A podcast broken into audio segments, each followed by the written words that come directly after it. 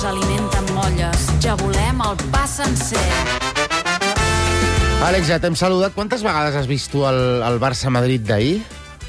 Tres vegades. Tres vegades, una en directe i dues en, en diferit.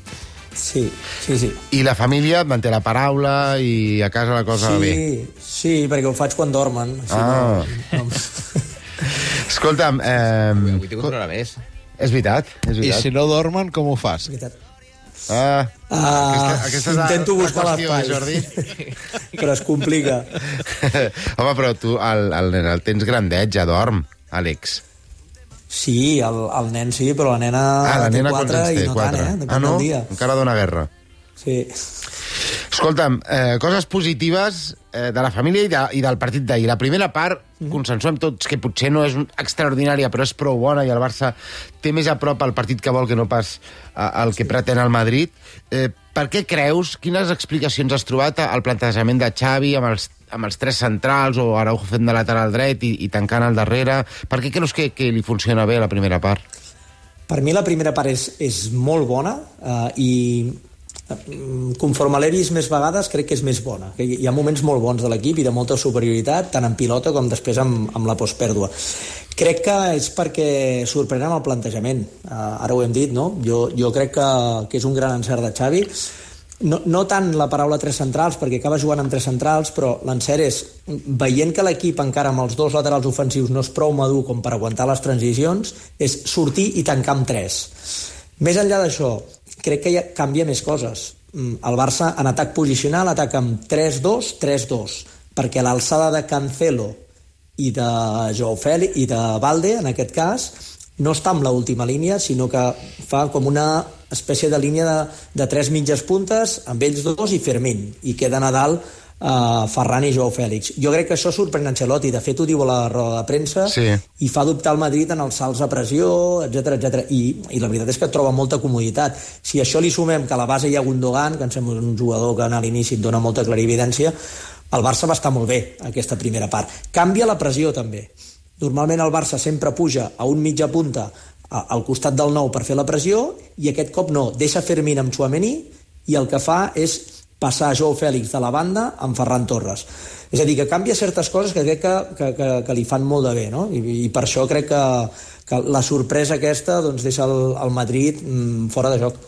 I, I a partir es torça el partit? Tu, tu com vas veure aquest canvi de dinàmica en el, en el Clàssic? Cada cop menys favorable al Barça i més al Madrid. Varis, primer de tot, crec el, Bar- el Barça baixa alçada. I la baixa per, perquè ell la baixa.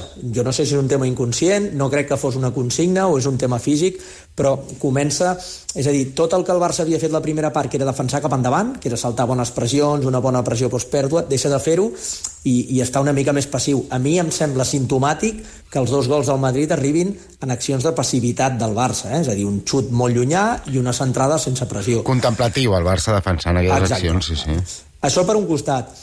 Crec que el Madrid també fa coses bé, i a vegades ens oblidem del rival, és a dir, l'entrada de Modric li dona molt, i per mi, ara ho deia el Jordi, hi ha alguns moments on, on pateix a l'esquena Camavinga, però em sembla que en pilota li dona moltíssim a l'equip. És a dir, per, per resumir-ho, jo diria que a la primera part el quadrat del Barça guanya el romba del Madrid, i en canvi la segona part el Madrid posa un més, perquè Camavinga acaba sent un migcampista, i li fa la superioritat al Barça.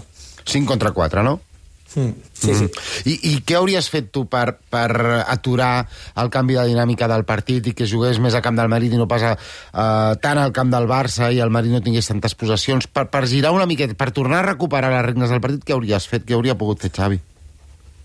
Uh, jo hauria fet... Uh, crec que hi ha una cosa que és molt clara i aquí coincidim tots, és a dir, la mina a la dreta, uh, quan va a l'esquerra baixa, i crec que la mina hagués exigit una miqueta més allà.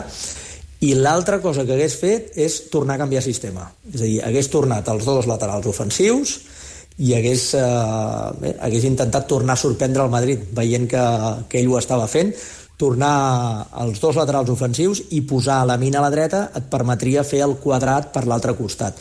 Hagués intentat fer una cosa d'aquestes perquè eh, crec que és molt clar que ahir tenia que esgotar tots els canvis. Crec que el primer gol de Bellingham arriba després d'un parell d'avisos, ja amb un xut de Chouameni, amb una incursió de Camavinga cap a dins, que, i era encara amb Fermín al camp i, i sense haver mogut totes les fitxes i crec que era molt, molt clar que havia de, de canviar a tothom qui pogués.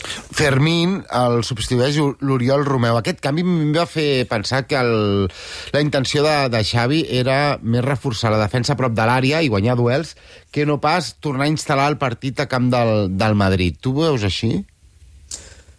És una lectura, també n'hi ha una altra, que és mm, haig de canviar gent perquè físicament estic baixant i no vull treure ni a Gavi ni a Gundogan. Per tant, entro a Romeu i trec a Pedri, a, a Fermín. Mm. Uh, per tant, també es pot llegir així, però és evident que mm, els canvis, mm, i abans parlàveu de responsabilitats, jo crec que Xavi, per suposat, la té, però crec que també és molt un tema de jugadors, eh? és a dir, tots els que van sortir, cap d'ells, per una qüestió o altra, va millorar els que, els, els que hi havia al camp. Oriol Romeu, és evident que està per sota del seu registre habitual, mm -hmm. que segurament li falta molta confiança i això es nota quan, quan juga. Tens dades interessants eh, sobre els últims partits de l'Oriol Romeu, Àlex.